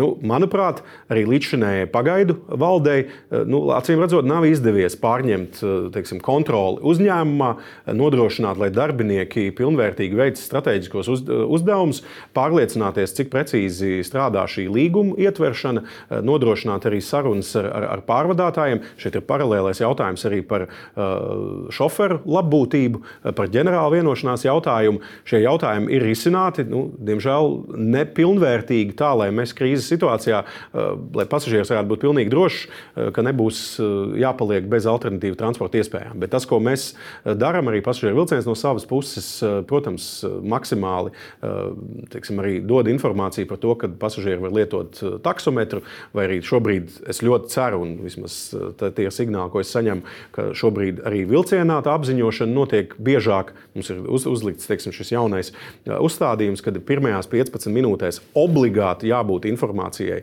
nu, teiksim, par to, eh, cik ir plānotā gaidīšana, un tad katrs desmit minūtes, ir jābūt uh, jaunai informācijai par to, nu, kas tad attiecīgi ar šo vilcienu notiek. Vai atnāks vilciens nākamais, paņems pasažierus, vai arī tiek organizēta teiksim, vilcienu nogādāšana gala mērķī ar citiem veidiem, tā skaitā taksometriem. Tas, kas šobrīd, kur notiek mazliet tāda pirkstu rādīšana vienam uz otru, ir par to, teiksim, kā norganizēt šos alternatīvos transportus. Nu, Reiķinieties, vilcienā ir, ir vairāk nekā 300 pasažieru. Nu, tur, ja tas ir pilns vilciens, tad visus nogādāt ar autobusiem diezgan daudz daudz autobusus vajadzēs. Bet vismaz kaut kādās kritiskajās eh, stundās eh, nodrošināt šādu uz izsaukuma eh, transportu noteikti vajadzētu. Un pie tā tiek strādāts. Skaidrs, ka tur ir nepieciešami finanšu līdzekļi. Arī tā ir vēl viena pozīcija, ko es vēlos sarēķināt un nepieciešams gadījumā lūgt valdību rast tam līdzekļus. Kad jūs plānojat visu sarēķināt un tad iet uz valdību ar priekšlikumiem par papildu finansējumu? Tas ir procesā gan attiecībā uz veco vilcienu kapitālajiem remontiem, gan attiecībā Bet, uz šīm dīkstāviem. Noteikti. Noteikti. Runājot... Šeit svarīgs arī tas dīkstāves lokomotīvu jautājums. Jo, protams, ka ja mums ir pieejamas lokomotīvas, no tāda teiksim, 40, 30, 45 minūšu uh, iespēju braukt, glābt vilcienu, tad mēs varam ātrāk atbrīvot ceļu, uh, pārkonfigurēt arī nu, kustības grafiku. Par vilcieniem jaunajiem. Uh, tad tos jaunos elektrovilcienus, ka, kam novērotas tās problēmas, varam atgriezt atpakaļ Škodai. Es pieņemu, ka līgums eh, paredz šādu iespēju. Jūs eh, to vērtēsiet, jūs prāt, tas būtu liederīgi? Es domāju, ka tajā brīdī, kad eh, pēc nu, teiksim, divus mēnešus pēc eksploatācijas uzsākšanas nav sasniegts šīs solītais 95% uzticības rādītājs, noteikti ir jāsāk runāt par šīm lietām. Protams, ka mēs kā Latvija nu, netaisamies samierināties ar, ar brāķi. Ja tas patiešām izrādīsies tāds brāķis, ko nav iespējams uh, salabot, uh, par ko Skoda nebūs gatava nest arī visas finansiālās sankcijas, saprotam arī, ka šeit Bet, ir ļoti nopietnas. Labosim. Nu, nu šobrīd jau, protams, tie, tie defekti tiek novērsti tādā operatīvā uh, kārtībā. Nu, pagaidām uh, tie divi mēneši ir, ir jāiedod, ir jāsaprot, kas ir vispār šo uh, defektu cēloņi, vai, te, vai tās ir teiksim, kaut kādas inženieru sistēmas, vai tās ir datorsistēmas, vai tā ir tehnikas neatbilstība. Nu, šobrīd ir dažādas teorijas, kas ir izskanējušas. Es neesmu vilciena inženieris, es jums precīzi nepateikšu, bet, nu, bet nu, vilciens ir. Vērtētu to kā tādu realistisku varbūtību, vai drīzāk, jūsuprāt, nebūs? Būs jāatgriež šie vilcieni? Es, es negribu šobrīd spekulēt. Šobrīd, protams, tā bilde neizskatās diezgan optimistiska. Visticamāk, tuvākajā laikā mums būs vēl viena saruna ar Skodas pārstāvjiem. Es gribu redzēt arī viņu eh, redzējumu, cik realistiski ir nodrošināt, eh, ka februāra beigās eh, mums nenotiek šāda veida incidenti, ir tāda frekvence kā līdz šim. Kas ar jaunajām piegādēm, kas bija plānotas vēl šogad vilcienu, tās kavēsies tagad ņemot vērā šo visu situāciju? Tur tas vairāk jāprasa pasažieru vilcienu kolēģiem. Skaidrs, ka ir sastādīts grafiks, eh, kur eh, šī gada laikā, lielākā daļa pat pirmā pusgada laikā, eh, tiek Latvijai piegādāti. Gan tie atlikušie no pirmajiem 23, gan papildus 9, kas, kas pienāk klāt. Bet skaidrs, ka arī tas ir, ir jautājums, ja mēs redzam, ka šiem vilcieniem nu, ir tādi nenovēršami defekti, tad iespējams, ka ir jāpārvērtē arī piegāžu grafiks. Bet, kas ir svarīgi, arī par kavētām piegādēm Škodai ir sūdzības soda sankcijas. Un šīs soda sankcijas, protams, arī ir mērāmas eh, ļoti lielos apjomos. Eh, tā ir, protams, diskusija, kas notiek starp diviem uzņēmumiem. Es, protams, juridiski šajā diskusijā eh, neiejaucos, bet mana nostāja ir, ka Škodai, protams, ir jāpiemēro pēc maksimāli bargākie sodi. Jo šajā situācijā ja tas jau nav tikai par vilcieniem. Maksimāli bargākiem sodiem pasažieru vilciens vakar izteicās, ka pat labi aprēķinātais sods ir uh, virs 267 tūkstošiem eiro. Nu, jūs, prāt, pietiekami bargi? Tas ir tikai par šiem tekošajiem defektiem un viņu nenovēršanu laikā. Ir arī daudzkārt lielāki sodi, kas ir paredzēti gan par uh, kavēšanos ar piegādēm, gan, protams, ja ir nu, kaut kādi jau lielie līguma sodi, Ja patiešām parādās kaut kādi defekti, kā rezultātā, piemēram, vajag pārcertificēt vilcienu vai vispār nu, teiksim, izņemt no aprits, mēs jau redzam, ka daudz kur. Soda naudas mēs sāksim iekasēt Šo jautājiet precīzāk eh, pasažieru vilcienam. Tā ir tāda ikdienas eh, diskusija starp, starp abu uzņēmumu, arī eh, juridiskiem pārstāvjiem, lai nu, teiksim, saprastu, kurā brīdī šie sodi tiek piemēroti. Nu, es uzskatu, ka attiecībā uz šīm sankcijām tur nevar būt nekādas vispār atkāpes. Tā nauda ir, ir kas jau pienākās pasažieru vilcienam jau tagad. Skaidrs, ka teiksim, par piegāžu kavēšanu un par kādām jau pavisam lielām kataklizmām tur jau, protams, Tas ir ilgāks eh, periods, eh, kur pasažieru vilcieniem ir nu, jābruņojas ar pēc iespējas spēcīgāku arī juridisku aizsardzību un par savām tiesībām jāiestājas. Bet, nu, tās mūsu vēlmes iekasēt bargas soda naudas, jūs nesaskatāt problēmas, ka varētu nu, tiešām mēs iekasēt šīs visas nu, soda nu, naudas. Mana vēlme ir, ir lai, lai vilcieni kursētu. Skaidrs, ka es vēlos, uh, lai piepildītos labāks scenārijs, kas nozīmē, ka šie vilcieni tiek uh, saremontēti. Uh, Ja tās ir kaut kādas programmēšanas kļūdas, tad viņas tiek novērstas, un mēs varam iegūt uh, jaunus, uh, labus vilcienus. Skaidrs, ka šiem vilcieniem nu, tā reputācija ir tāda, kāda viņa šobrīd ir, bet nu, apzināmies arī, ka citās valstīs nu, neba, ka mēs esam vienīgie, kam ir bijušas šādas problēmas ar ieviešanu. Mums, protams, tas to uztver ļoti sāpīgi, jo tas notiek ar mums. Bet tas ir tāds attaisnojums, bet... ka arī citiem bija problēmas. Nē, tas nav attaisnojums. Tur vienkārši ir jāvadās pēc tām pieredzēm, kā šādās krīzēs, kā viņas tiek efektīvi risinātas. Un tur ir visi šie parametri gan darbs ar ražotāju, nepieciešamības gadījumā soda sankcijām, tā ir uh, komunikācija ar sabiedrību, īpaši ar pasažieriem. Tie ir alternatīvie risinājumi, lai mēs pasargātu pasažierus no šīm negatīvajām sakām. Un cerams, nu, Igauniem tas izdevās. Ļoti sāpīgi ar pārsertifikāciju, bet izdevās. Un redzam, ka tie vilcieni šobrīd uh, šeit lielā mērā mēs liksim punktu jautājumam par vilcieniem un iesim pie citām tēmām, bet vispirms man jāatvadās no RTV skatītājiem. Paldies! Un turpināsim Delfi e, TV ēterā. E, jautājums vēl ir par nu, satiksmes ministrijas valsts sekretāras Ilandu Stepanovas e, darbu, rosināta disciplināra lieta. Nu, tad, Latvijas televīzija ziņoja, ka viņu rīcībā esošā informācija, ka no darba izvest apsardzes pavadībā, darba kabinets aizzīmogots, nu, vai tas darbības, par ko ir tā disciplināra lieta un par ko varētu būt pārkāpumi, tas ir saistīts ar Rail Baltica projektu. Es, diemžēl, nevaru šobrīd eh, neapstiprināt, nenoliegt šo faktu. Ja Stepānovs kundze ir gatava pati šīs detaļas atklāt, tad tās ir viņas tiesības. Man katrā ziņā gan cienot eh, personas datu aizsardzības tiesības, gan ņemot vērā, ka šeit notiks ļoti nopietna izmeklēšana, ir sastādīta arī izmeklēšanas komisija, ir saņemta informācija, kas šai komisijai ir jāizmeklē. Tāpēc es nevaru atklāt. Par lai... kuru projektu ir runa? Ne... Bet tas ir Jā, viens konkrēts projekts. Arī to es negribu šobrīd atklāt, jo nu, tas ir šīs izmeklēšanas komisijas kompetencē. Nu, tad iedziļināties šajās atklātajās epizodēs un vērtēt konkrētās amatpersonas atbildību. Labi, ja mēs sākam runāt par Real Baltica projektu, arī daudz jautājumu, daudz neziņas. Arī Jānis Vitsenbergs ir satraucies par īstenošanu un tas, ko, ko viņš saka. Nu, tad, tad ministru kabinets spriedīs par scenārijiem. Real Baltica būvniecībai tikai martā, bet finansējums jāpiesakās tagad. Un pieteikumā viņš neatrodot tilta būvniecību par Daugavu Rīgā. Nu, Ko jūs viņam varētu atbildēt? Tas nozīmē, ka Rīgā darbi neturpināsies? Nu, viens, viens, ko es noteikti aicinātu, gan bijušo ministru, viņa partijas biedrus, atbalstītājus, ne, necelt, teiksim, tādu, nepaust maldinošu informāciju, lai gūtu kaut kādas sev politiskas kapitāls. Pilnīgi noteikti nav taisnība šai histērijai par to, ka Rīga netiks iekļauta. Nē, es pateicu no pirmās dienas, es darīšu visu, lai Rīga tiktu pilnvērtīgi integrēta Rail Baltica trasējumā pirmajā fāzē. Mēs šobrīd jau esam pat sagatavojuši šādu scenāriju. Kuru satraucās Vitsenberga kungs būs? Jautājums ir par to, kā šo tiltu nofinansēs un kurā attiecīgi finansējuma uzsaukumā vai kurā teiksim, finanšu risinājumā mēs viņu ietversim. Skaidrs, ka šāds tilts ir vajadzīgs. Rīgas centrālā stacija ir, ir jāsavieno, par to nav ne mazāko šaubu. Bet, nu, jautājums laikam ir par termiņu. Nu, jebkurā gadījumā viens termiņš, nozīmīgs, kas ir arī Eiropas Savienības uzstādīts, ka ir jānodrošina vilcienu kustība Ziemeļdienvidu koridorā līdz 2030. gadam. Nu, attiecīgi, visi šie darbi ir jāpabeidz līdz 2030. gada beigām.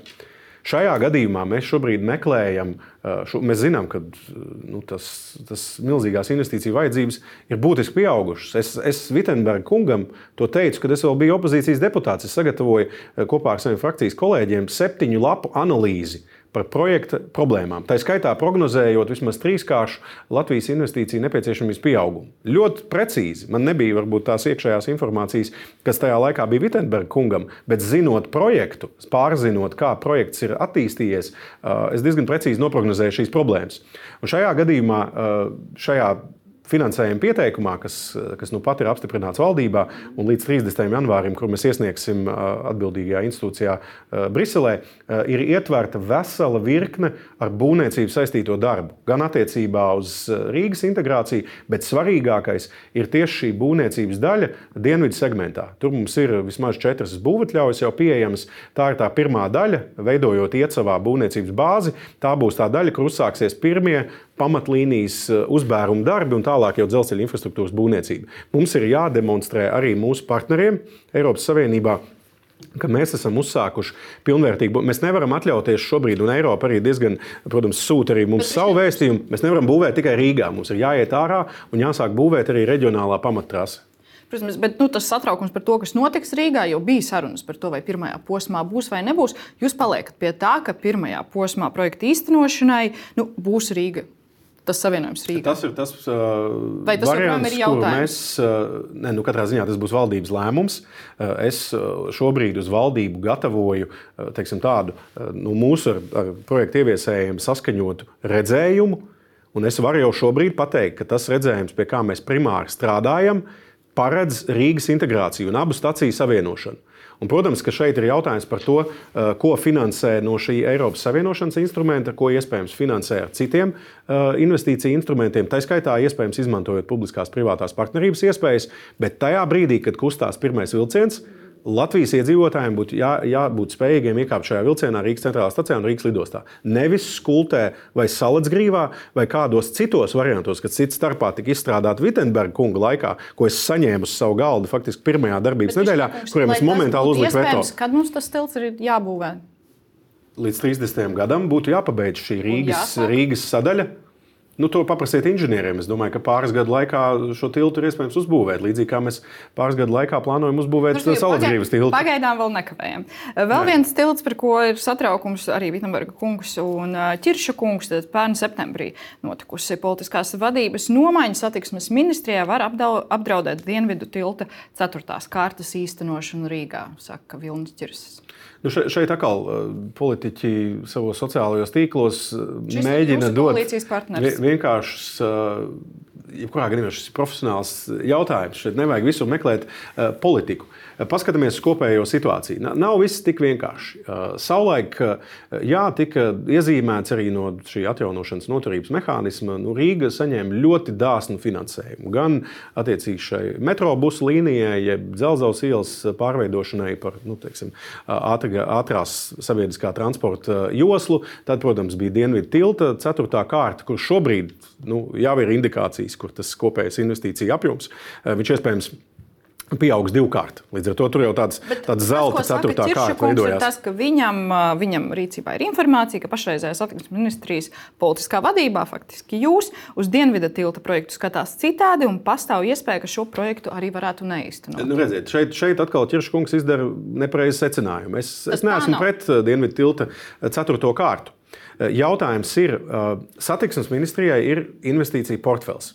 Šeit es, diemžēl, esmu saņēmis uh, mantojumā 200, vismaz 250 miljonu apmērā neapgūtus projektus, kur cits starpā tika saplānoti Linkaiša kunga laikā, pārdalot elektrifikācijas naudu, dažādas citas pro, prognozes, kur tika ielikts ārkārtīgi optimistisks lietas. Piemēram, tika uzlikts, ka līdz 28 gadam Latvija sāks jau finansēt bateriju elektrifikācijas, eh, ba- bateriju vilcienus. Nu, šāda veida plānošana nu, neliecina par izpratni par to, cik ātri vispār šos vilcienus, ar visu to, ka tur ir kavēšanās šo vilcienu iepirkšanā, bet cik ātri vispār šos vilcienus var saražot, uh, vienkārši ielikt šo naudu atjaunošanas noturības mehānismā, kam 26. gadā ir termiņš, bija nepareizi. Un sanāk, šobrīd mums ir jāpārplāno, jeb kā tos sauc Finanšu ministrija, jāpārposmo vairāk nekā 250 miljonu vērts aktivitātes jāliek viņas tālāk šajā jaunajā posmā.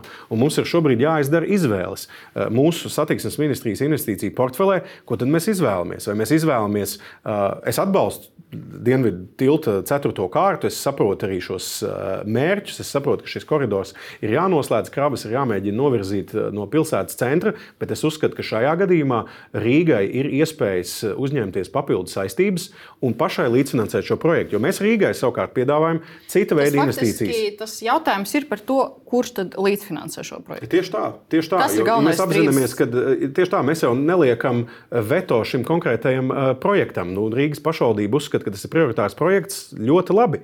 Bet mums, man portfelī, ir vēl arī citas vajadzības. Mums ir dzelzceļa stācijas, kas ir jāatjauno. Mums ir dažādi veidi gājēji veloceliņi. Mums ir arī, teiksim, mēs, mēs vēlamies veidot eh, intermodālu infrastruktūru mūsu dzelzceļa sistēmā, lai kravas arī iekšējās, iekšzemes kravas pārcelt uz dzelzceļu. Mums ir šis, es, es pabeigšu, jo šis ir ļoti svarīgi. Mums ir arī svarīgi investēt infrastruktūrā, lai mūsu mobilitātes pakalpojumi, mūsu dzelzceļa stacijas, mūsu transporta, sabiedriskais transports būtu pieejams cilvēkiem ar īpašām vajadzībām. Lai tad Čirškungs varbūt pasaka, kas viņuprāt ir svarīgāk, lai Latvija, nu, teiksim, satiksmes ministrija investē Nu, šos Tiešā kungs 70 sasauc miljonus. Preses konferences pasaka publiski viena, jūs tagad intervijā pasakāt uh, atkal viņam vēstījumu. Jūs arī esat tikušies, Mēs parunājuši, jūs mēģinājāt tikušies, risināt vairāk nesanāk. kārt, un es biju ļoti pārsteigts, ka Čirša kungs nāca klajā ar šādu retoriku, jo mēs izgājām teiksim, ļoti korekti Čirša kunga klātbūtnē divās sanāksmēs. Man Bet klāt bija komanda, bija bija kompromiss, mēs vienojāmies par to, ka jā, Rīga uh, kopumā jau tas investīcija portfels, kas Rīgai bija paredzēts no satiksmes ministrijas puses, viņš nav palicis mazāks. Tas ir tas, ko Čirša kungs uh, šobrīd nesaka, bet acīm redzot, apetīte ir tik milzīga, ka gribās paņemt pilnīgi visu tikai Rīgai, atstāt arī pārējos novadus, pārējās pašvaldības bez investīcijām. Nevajag citām pašvaldībām dzelzceļa stacijas, nevajag citās pašvaldībās cilvēkiem iekļūt sabiedriskajā transportā, nevajag mums intermodālu infrastruktūru, kas arī palīdzētu eh, kravas no Rīgas centra paņemt ārā, bet visu grūžam tikai eh, lielajos megaprojektos eh, Rīgas pilsētā. Nu, tā nav līdzsvarota pieeja. Man, man likās, Nu, cerams, ka mēs esam spēsiet arī panākuši atrast kompromisu Es esmu par to starpā. pārliecināts, jo viss šīs ir kritiskas vajadzības Latvijas transporta transporta sistēmā, bet jābūt tomēr kaut kādai tomēr tādai nu, solidārai pieejai arī iepratim citām vajadzībām transporta nozarē. Vēl par transporta nozari runājot. Air Baltica. Jāatdzēš piecu gadu obligācijas 200 miljonu vērtībā. Nu, spēs atmaksāt vai pārfinansēt šīs 200 miljonu obligācijas ar Baltiku, jūsuprāt? Darbs notiek. Es nu, lik, likums nelikšu, necienu azartspēles, bet uh, iemesls, kāpēc uh, septembrī neizdevās jau priekšlaikus pārfinansēt šo piecgadīgo uh, vērtspapīru, uh, bija, nebija tas, ka neviens nebija gatavs dot naudu. Nauda bija pieejama, bet viņa bija pieejama par ļoti dārgu cenu par cenu, kas, protams, jau negatīvi ietekmētu Air Baltica nu, teiksim, biznesa plānu un, un, un kopējo rentabilitāti. Jo šeit eh, saprotam, ka aviācija ir ļoti jūtīga. Gan attiecībā uz nu, bāzes likmju pieaugumu, kas šobrīd ir nu, vēsturiski salīdzinoši augstā līmenī. Tad, protams, uz to pašlaik šī situācija ir labāka. Es tulītās tieši caur šo mēģināšu paskaidrot, kā, kā ir mainījusies šī brīža situācija. Protams, eh, Krievijas pilna mēroga agresija Ukrainā atstāja ietekmi uz aviācijas protams. sistēmu kopumā, bet īpaši mūsu reģionā.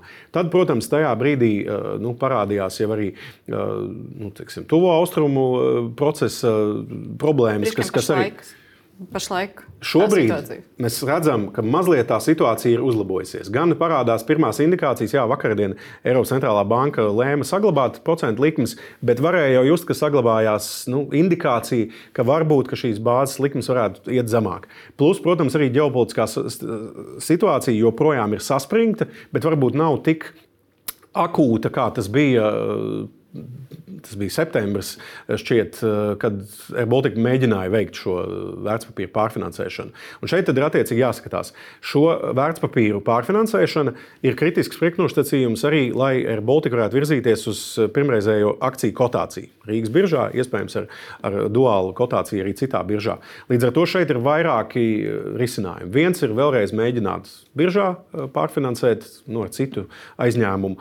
Otrs ir runāt ar, ar dažādu veidu institucionāliem investoriem, bet, protams, ar lielāku aizņēmumu cenu. Procentu likmi. Tad ir teiksim, iespēja risināt to kontekstā ar nu, to sadarbības partneri, starptautisku kalibru banku, kas palīdzēs organizēt šo akciju kotāciju. Katrā ziņā tas jautājums ir jāatrisina, lai mēs vispār varētu skatīties uz arī jūs akciju kotāciju. To pārfinansēšanu jūs teicāt septembrī. Tā, tas nebūtu izdevīgi, ņemot vērā likmes. Nu, cik mums ir laika vēl, lai meklētu to izdevīgāko variantu?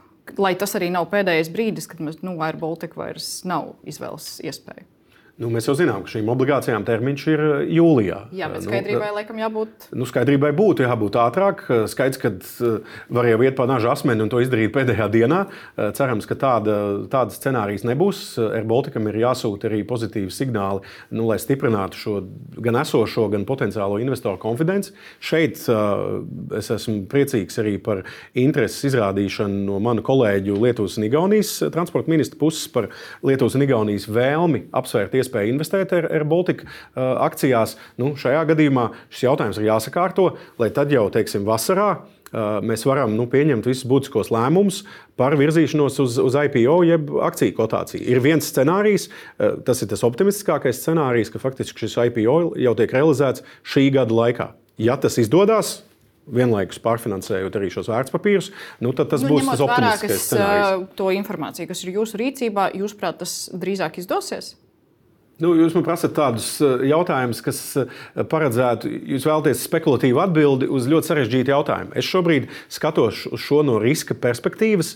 Ir vairāk riska faktori, kas uh, kalpo par labu, bet ir vairāk riska faktori. Tas pats, teiksim, aviācijas nozares turbulence, ģeopolitiskie faktori, joprojām saglabājusies pietiekami augsta naudas cena, nepārāk daudz aviācijas IPO precedentu. Skaidrs, ka tie dara manu pozīciju rezervētu. Līdz ar to, ja man šobrīd ir jāapsver, jāapsola, jā, obligāti būs IPO. Šogad uh, es to nedarīšu, jo, jo tie riski šobrīd ir, ir, ir jāmenedžē. Katrā ziņā uzņēmums gan ar saviem konsultantiem, gan sadarbībā ar, ar citiem starptautiskiem spēlētājiem strādā pie šī pamatscenārija. Jūs minējāt riskus, bet nu, mēs varam izslēgt to iespēju, ka ar Baltiku būs nepieciešams valsts atbalsts. Tīri teorētiski, ņemot vērā, ka Latvijas valsts ir gandrīz simtprocentīgs ar Baltiku akcionāru, šādu risku nekad nevar izslēgt. Tāpēc, kad nu, ja nu, gadās situācija, kad spekulācijas, gribu labi saprast, cik tā ir liela varbūtība. Vai vajadzēs iesaistīties? Šobrīd es teikšu, ka tas nav pamatscenārijs. Katrā ziņā, tīri teorētiski, nu, mēs jau saprotam, ka valsts uzņēmumiem vienīgais akcionārs, ar Baltijas gadījumā 99% akciju turētājs, ir Latvijas valsts. Tad līdz ar to, ja notiek kaut kāds negatīvs scenārijs, kad Airbaltics nevar nekur citur dabūt līdzekļus, lai pārfinansētu šīs saistības, tad skaidrs, ka akcionārs ir tas pēdējais, pēdējā instance, pie kā vērsties. Bet šeit ir svarīgi saprast, ka ņemot vērā Covid laikā, kad Baltika piedzīvoja nu, vairāk kā 70% apgrozījumu kritumu, valsts jau ir sniegusi uh, valsts atbalstu. Šis valsts atbalsts tika saskaņots Eiropas Savienības institūcijās, bet viņš ir jāatmaksā. Un šajā gadījumā, protams, ka valsts manevrēšanas iespējas pat šādā teorētiskā scenārijā nav liela. Tāpēc mēs ļoti labi apzināmies, ka eh, situācija ir, ir, ir gana nopietna. Eh, AirBaltika ir jāatrod veids, kā šos vērtspapīrus pārfinansēt. Nu, šobrīd man nav indikācija, ka nē, neviens investors uz pasaules nav gatavs aizdot nu, AirBaltika. Pašlaik jūs tā diezgan Es teiktu, piesardzīgi optimistiski raugoties uz šo situāciju. Piesardzīgi, piesardzīgi. Man tomēr astoņu gadu aviācijā tiešā veidā nu, droši vien iemācīja, ka nevajag aizrauties ar pārlieku optimismu. Es esmu redzējis, kā iespējams mani iepriekšējie priekšteči ir aizraujušies ar optimismu. Es gribu skatīties realistiski, bet katrā ziņā no savas puses, arī no, no savas komandas puses, mēs darām visu, lai kur nepieciešams arī politiski palīdzētu Air Baltica. Es runāju arī ar saviem Baltijas kolēģiem kolēģiem, kas sūta man arī savu, teiksim, nu, savas eh, vēlmes eh, un savu interesi par Air Baltica. Man, es katrā ziņā arī vēlos sabiedrībai apliecināt, ka jā, mēs eh, dažreiz vietā, bet dažreiz nevietā kritizējam Air Baltica, bet apzināmies, ka mūsu kaimiņi ļoti novērtē to, kas mums ir, mēs, un iespējams viņiem mēs runājam nav. arī par uzņēmumu vadību šodien dažādā kontekstā. Ar Baltiku vadība Gausakungs, jūsuprāt, savus pienākumus pilda pietiekami labi?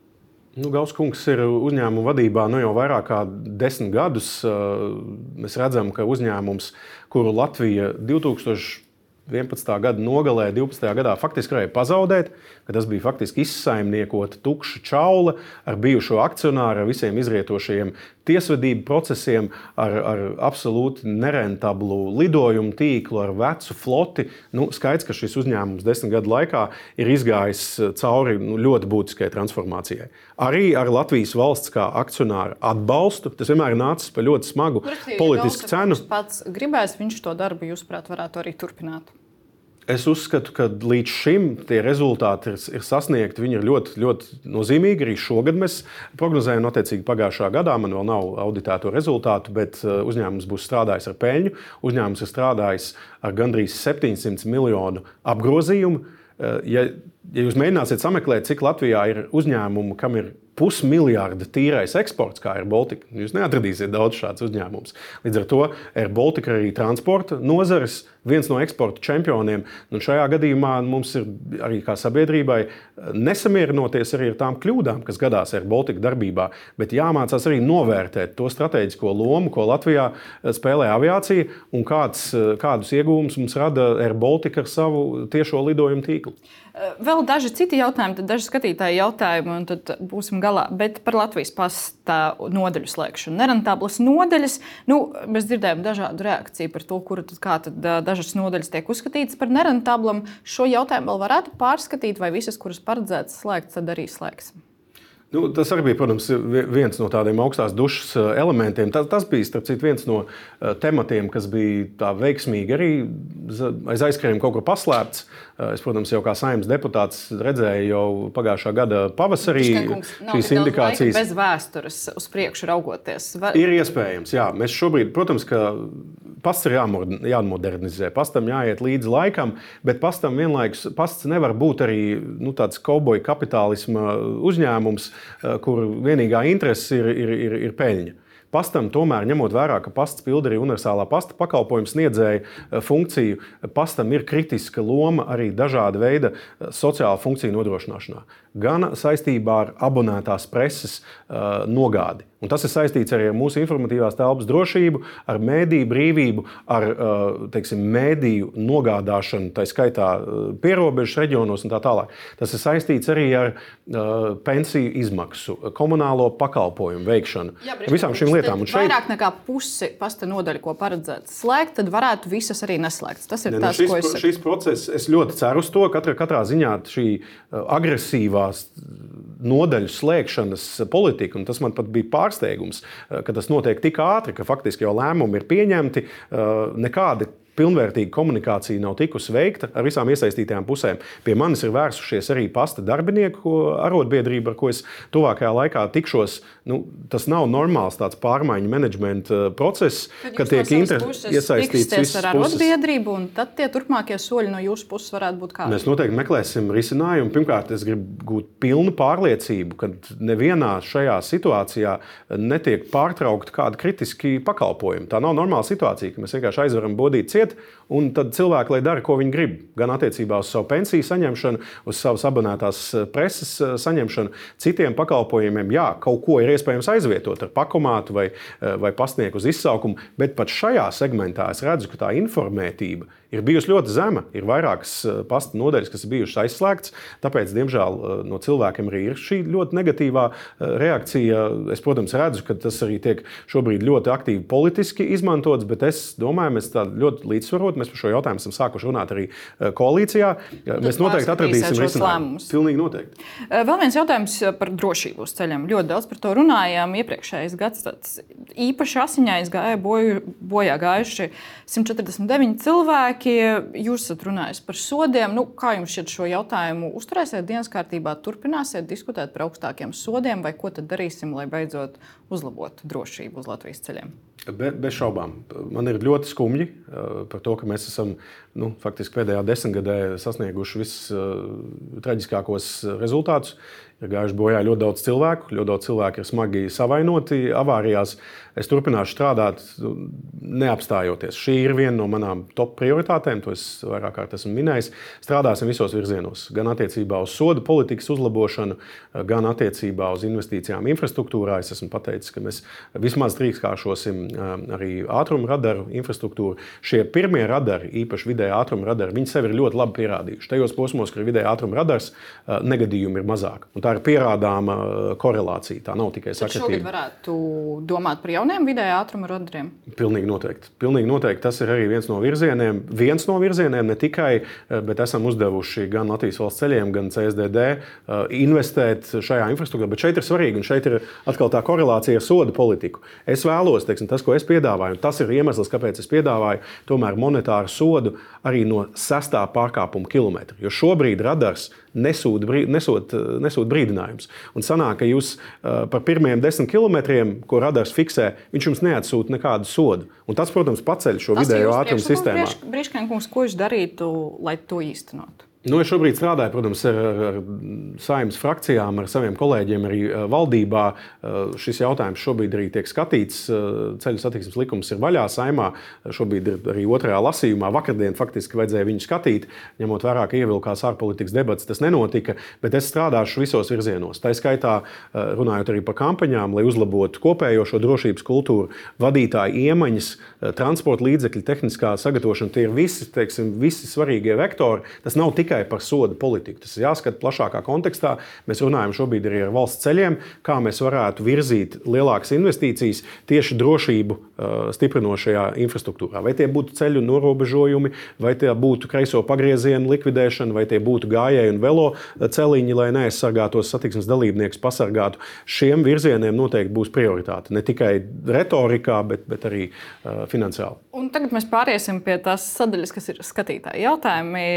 Daudz daudz jautājumus mēs esam saņēmuši. Varam parādīt arī tos uz ekrāna. Nu, Tur ir ļoti dažādas jomas. Finansējums no mob militārās mobilitātes pietiks, lai uzbūvētu duālo tiltu salaspīlī. Vai tas būs dārgāks par dienvidu tiltu?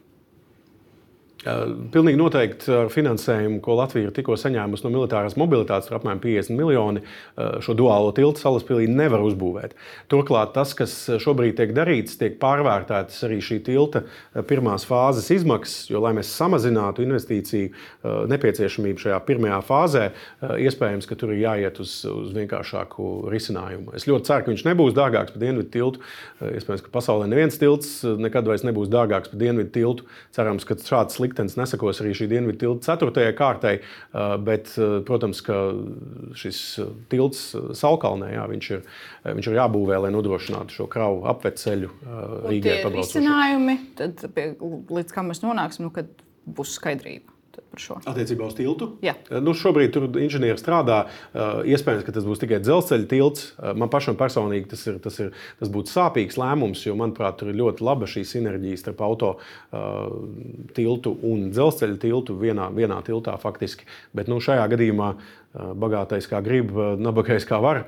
Un, un redzēsim, cik daudz mums investīciju būs pieejami. Bet katrā ziņā tiltam, dzelzceļam, tiltam tur jābūt.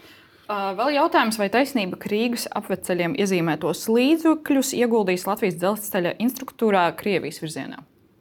Eh, pilnīgi noteikti nē. Eh, vispār es ļoti labi redzu, cik ilgstoši tika investēts tieši šī austrumu tranzīta koridora kapacitātes palielināšanā. Šobrīd mums ir 80 miljonu tonu koridors, kas mums eh, ir jāuztur kā sabiedrībai, kurā pārvietojās krietni mazāk tonu. Faktiski tas ir bezperspektīvas virziens no, no, no tādā kontekstā. Līdz ar to man, man nevienmēr patīk šie pretnostatījumi starp dažādām transporta vajadzībām, bet šeit mēs skatāmies arī šis ir eh, mantojumā saņemts. Eh, nu, var jau, protams, visai sabiedrībai sasolīt, ka mums būs ātrgaitas ceļi, kā Polijā, divreiz divi visur, bet arī šim Rīgas apveceļam tas iezīmētais finansējums ar visu to, ka mums ir 250 miljoni neapguvis, šobrīd ir pietiekams tikai trešdaļai.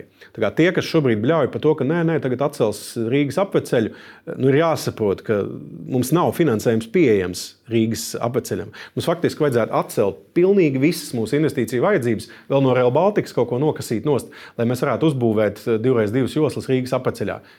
Rīgai vajag apveceļu, bet tur atkal ir jāskatās vai nu uz PPP, līdzīgi kā arī attiecībā uz Bauskas un Iecavas apveceļiem. Es ļoti labi apzinos, ka tās ir kritiskas vajadzības Latvijas transporta sistēmā, bet man ir jāveic šīs izvēles. Es nebūšu tas ministrs, kas visiem apsolīs, viss būs highway visā Latvijā, perfekta dzelzceļa sistēma, eh, drošība un piekļūstamība katram iedzīvotājam, ideāla pasta sistēma, eh, Air Baltics ar perfektu bilanci. Cerēsim, ka tas tuvoties uh, šiem mērķiem. Bet uh, ir vairāk jautājumu arī, protams, par vilcieniem un arī par jūsu atbildību, kam vēl ir jānotiek, lai jūs beidzot publiski paziņot par savu demisiju. Jūs bieži piesaucat labus piemērus citvietā pasaulē, vai demisija no jūsu puses arī nebūtu laba praksa? Kā es, vērtēt līdzinējo darbu? Es strādāju četrus, četrus mēnešus, un es varu likt roku pie sirds un pateikt, ka es, nu, ka es strādāju kopš brīža, kad es pamostos, līdz brīdim, kad es aizēju uh, gulēt. Uh, šajā gadījumā es izmantoju gan zināšanas, kas man ir no nozares. Es nevienu no jautājumiem neslēpšu no sabiedrības. Es vienmēr būšu atvērts nākt arī pie jums, pie citiem mēdījiem, skaidrot. Uh, es ieklausos savas komandas padomos, Uh, un esmu gatavs uh, rīcībai. Šie pirmie četri mēneši, nu, jūs jau redzat, daudzas no šīm problēmām ir bijušas paslēptas. Tagad es par viņām runāju, es viņām meklēju risinājumus, es no viņām nemēģinu veidot kaut kādu uh, primitīvu politisku kapitālu. Es esmu vērsts uz rezultātu. Es gribu atrisināt, šī ir mana nozare. Daļa no manas motivācijas iesaistīties politikā bija sakārtot šo nozari. Līdz ar to eh, es, es turpināšu strādāt eh, nepagurstoši, kamēr man būs eh, mana koalīcijas kolēģi un mana ministra kabineta kolēģu atbalsts un uzticība. Darīšu visu, kas būs manos spēkos, lai, lai risinātu šīs problēmas un Latvijā veidot modernu transporta sistēmu. Vēl skatītājiem ir satraukums, kam jums ir nepieciešams sociālajie mēdīji. Ja kopš stāšanās ministra amata nesat atbildējis ne uz vienu jautājumu, komentāru vai repliku, kā vērtēt savu komunikāciju ar iedzīvotājiem? Nu, pašam man, diemžēl, tam nav laika.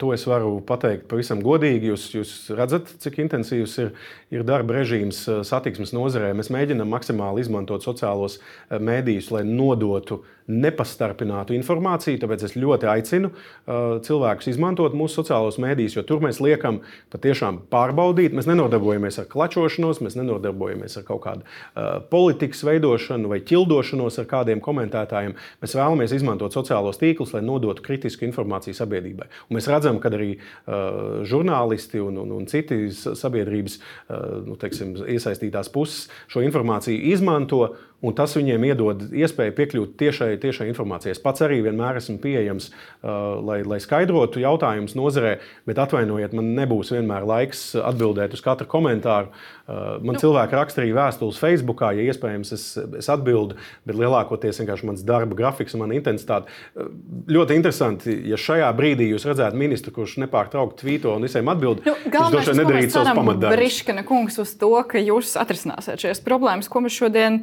iezīmējam, vai vismaz virzīsimies tuvāk risinājumam. Paldies jums šodien par šo sarunu. Paldies jums, ka skatījāties. Mums tikšanās jau drīz.